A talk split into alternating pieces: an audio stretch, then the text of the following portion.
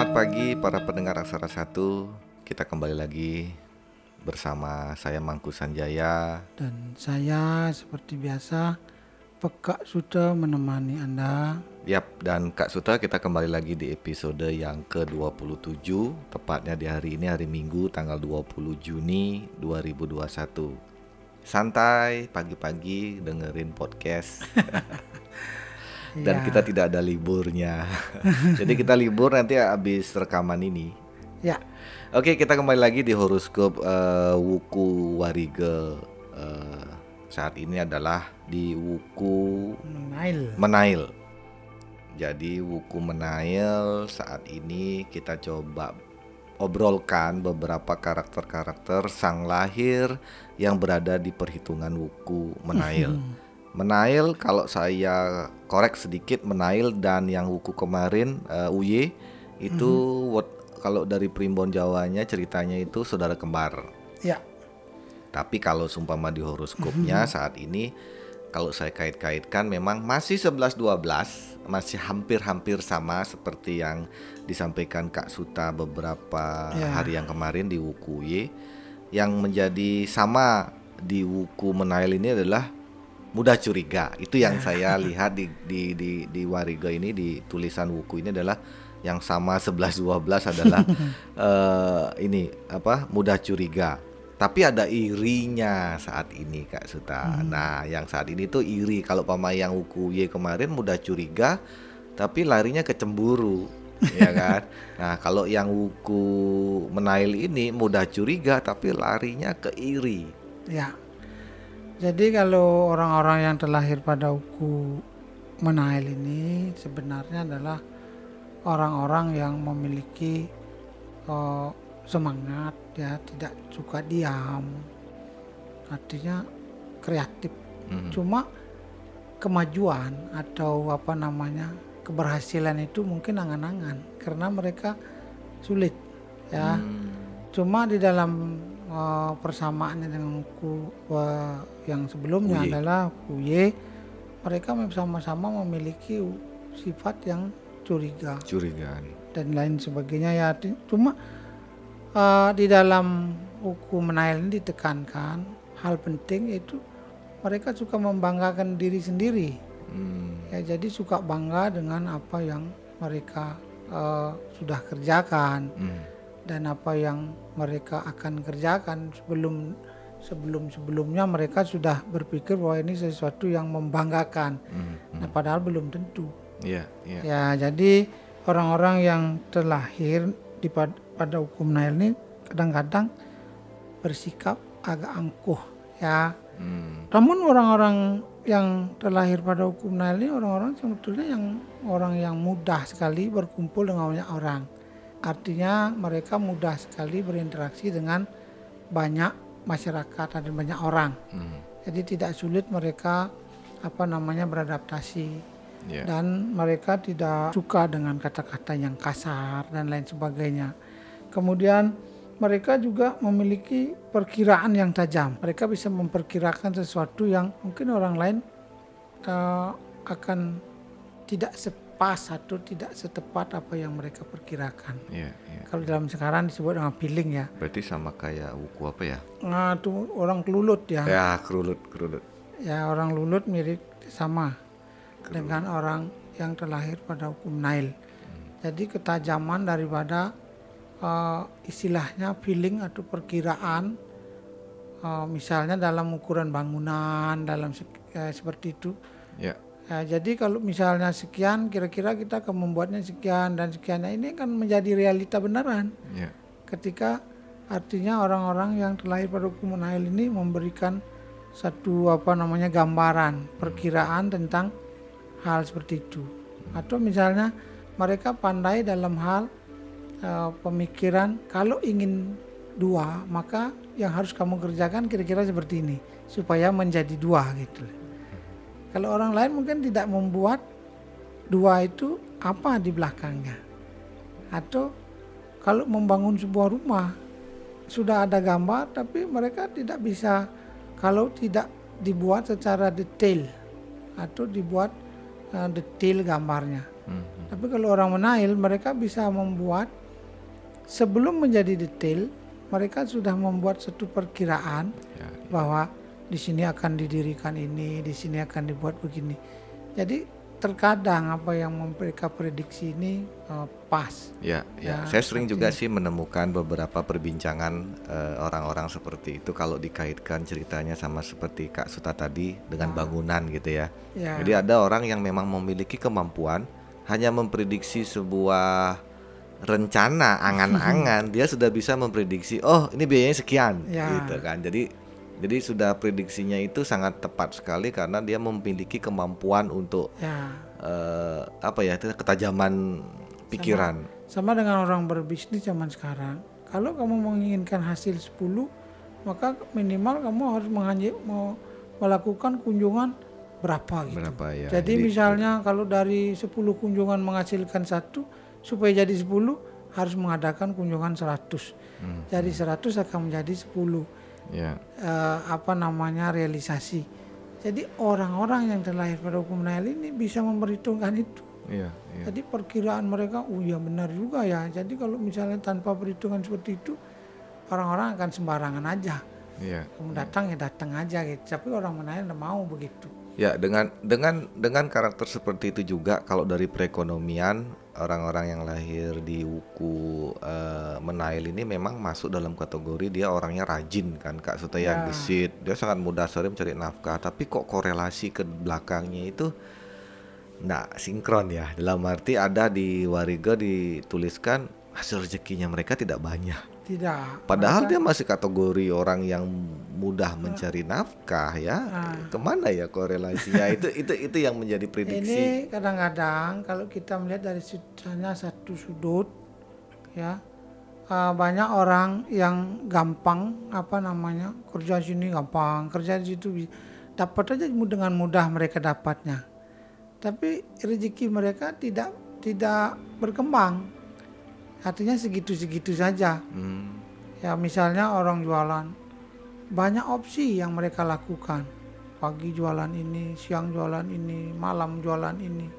Tapi mereka tidak memiliki apa fluktuasi penghasilan yang tinggi. Artinya kok masih aja segini-segini ya walaupun padahal sudah banyak yang kita kerjakan.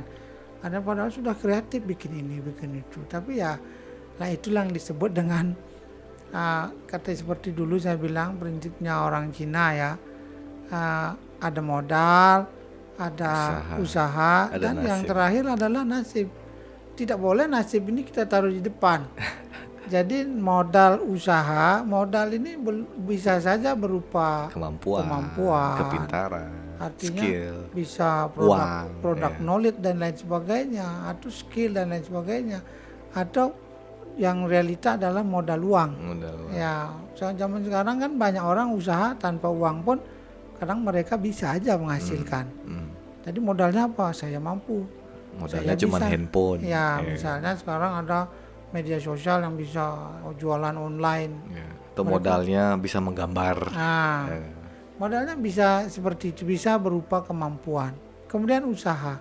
Jadi usaha ini adalah kemauan kita untuk melakukan sesuatu ketika kita ingin menghasilkan. ini yang namanya rajin kan? Ya, nah itu yang disebut dengan orang rajin. Hmm. Nah, kemudian yang terakhir adalah nasib. Nasib. Ketika modalnya banyak, usaha sudah getol, tidak pernah berhenti, tapi nasib belum memberikan apa namanya sinyal untuk berhasil. Karena ada fase-fase tertentu umur manusia ini mengalami apa namanya ada yang istilahnya grafiknya mendatar-mendatar saja, ada yang grafiknya mungkin di bawah, ada juga yang bisa di Iya, atas. di atas. Jadi ketika grafik itu biasa-biasa saja, ya tentunya sebanyak apa pun pekerjaan yang kita kerjakan, sebanyak apa pun usaha kita untuk mendapatkan sesuatu yang menurut kita banyak dan lain sebagainya, tapi tidak akan pernah bisa.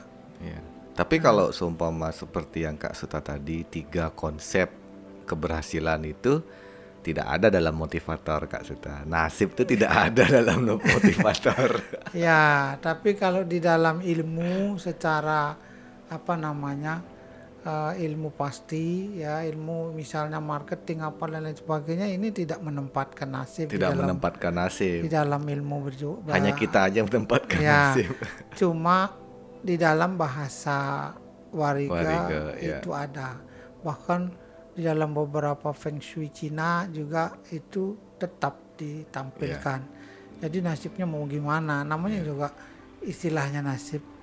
Banyak orang yang memiliki uang banyak ya modal besar tapi mereka malas bikin usaha malas berpikir dan sebagainya. Jadi udah lebih biarin aja gitu. Jadi ya, ya apalagi namanya Ya tapi yang dimasalahkan di sana bukan nasib Kak Suta, malas. ya kan? ya itu tadi banyak juga yang punya modal banyak semangatnya Semangat gitu. Ya gede itu tapi ketika nasibnya nggak mendukung ya itu banyak cerita kok juga. Jadi Ya. kalau umpama ada yang menceritakan yang wah sudah sudah punya kepintaran, sudah apa memiliki Ya. semangat, jadi nggak bisa modal orang profesor orang profesor terus bisa jadi kaya nggak bisa banyak juga yang masih belum. Atau punya seorang ilmuwan tinggi ya seperti yang anda ketahui mungkin saya tidak berani sebutkan nama ya. Artinya bisa saja pakar seorang spiritual itu ya, ketika sudah waktunya jatuh masuk penjara. Ya Ya, jadi kenapa? Kita tidak tahu apakah itu Apakah kesalahan, betul-betul kesalahan, apakah itu hanya sekedar nasibnya memang harus masuk ke sana, apa memang keberuntungannya lagi nggak ada. Iya, atau memang rumus kita tadi probabilitas Ya. ya karena orang dari baru lahir itu detik demi detik sudah terhitung probabilitasnya. Ya maka itu saya bilang walaupun di dalam ilmu pasti tidak menempatkan nasib sebagai salah satu opsi untuk membuat satu usaha, tetapi ini tidak bisa lepas. Tidak bisa lepas. Ya, kenapa? Modal, kemauan, dan nasib terakhir ini tidak akan pernah bisa tidak sinkron satu sama lainnya. Kalau salah satunya tidak sinkron, maka apa pun usaha tidak akan pernah menemukan yang namanya standar keberhasilan. Iya. iya. Ketika kita mau berhasil, maka yang tiga ini harus disinkronisasi. Maka di dalam hal Bali ada orang bertanya, Pak, pekerjaan apa yang cocok untuk saya? Kenapa? Ketika pekerjaan tidak cocok, itulah nasib yang tidak benar. saya mau jadi tentara, tapi nasib tidak ada di bagi orang tentara. Nah, saya mau jadi pedagang, tapi hari kelahiranmu mengatakan kamu harus jadi petani. Nah, tidak bisa jadi pedagang. Ya, jadi inilah yang dikendalikan oleh eh, apa namanya eh, bahasa-bahasa. Kita sinkronkan. Ah, jadi bukan berarti kita meramal orang, tidak. Alangkah baiknya jika hal tiga tadi ketemu. Maka cara menemukannya adalah banyak orang bertanya, Pak, saya lahir pada hari ini, pekerjaan apa yang cocok untuk saya? Nah, Karena mungkin saja orang-orang seperti itu tuh sudah memiliki dasar, dia punya eh, eh, modal, ya punya Kemauan. kemampu eh ke- ya kemauan, usaha, Ya. usaha. Nah, berarti dia tinggal tinggal cari ya yang pas. yang nasibnya yang pas. Ya, karena memang si nasib tidak bisa diatur ya. Iya ya benar juga ya. benar juga sih. Ada yang punya uang banyak, habis itu, wah dia semangat juga untuk Ya. untuk bekerja. Eh, nah memang bukan di Ya, sana harusnya. contohnya Habis juga, banyak. ya habis Orang juga. banyak dari Jakarta datang di Bali bikin usaha. Usaha ya. Ada juga yang bikin petani di Bali besar, Ya, tanam ini banyak betul, tuh betul. nanam pepaya aja Ya. bisa bangkrut begitu. Iya, iya. Ada teman saya juga dia bertani kok. Uh, sekarang us- Ya, bukan berarti petani itu tidak Tidak, ada iya. uangnya. Malah justru kalau Anda pernah pergi di Kintamani, Anda pergi di Pupuan, petani kopi di sana Iya. kaya-kaya. Sama Jadi- seperti teman kita. Iya, jadi orang sana mah kaya kaya. Kenapa? Karena memang ada yang istilahnya harus mereka. Tapi apakah mereka tidak bekerja? Mereka ketika nasibnya menyatakan harus bekerja, mereka tetap bekerja di perusahaan. iya, sama kayak teman kita kan. Jadi Iya. jadi dia bekerja di kantor itu hanya hobi. Nah, jadi sisanya bertani. Ada yang berusaha menanam tapi nggak tumbuh-tumbuh. Apa apa penyebabnya? Apakah ada yang salah dengan tanaman? Ya tentunya tidak ya. Jadi kita tidak mendiskreditkan atau tidak menyalahkan satu sama lainnya. Kejadian-kejadian seperti itu sebetulnya lumrah ada di masyarakat. Ya sekarang tergantung kepada kitanya. Ketika mereka bertanya itu artinya mereka mencari jalur yang pas. Pas. Saya mau ke Sanur pak, jalannya mana? Ya kalau anda mau lewat kota sini, kalau mau melewat jalur besar jalannya bypass. Ya bisa aja yang mana aja akan sampai tetap ke Sanur, cuma prosesnya yang beda. Sama seperti kata orang bijak, hidup ini adalah sebuah pilihan, Ya. ya kan? Tapi lebih bijak lagi kalau Anda memilih sesuai dengan pilihan Anda. Ya itu tadi. Oke, eh, para pendengar salah satu eh, mungkin untuk episode saat ini kita cukupkan sampai di sini. Kita sekarang saatnya berhari Minggu. Jadi kita yang libur sekarang sudah selesai rekaman, sudah selesai podcast. Ya kita, kita, berlibur. Sampai ketemu di episode selanjutnya di wuku-wuku yang akan datang. ya.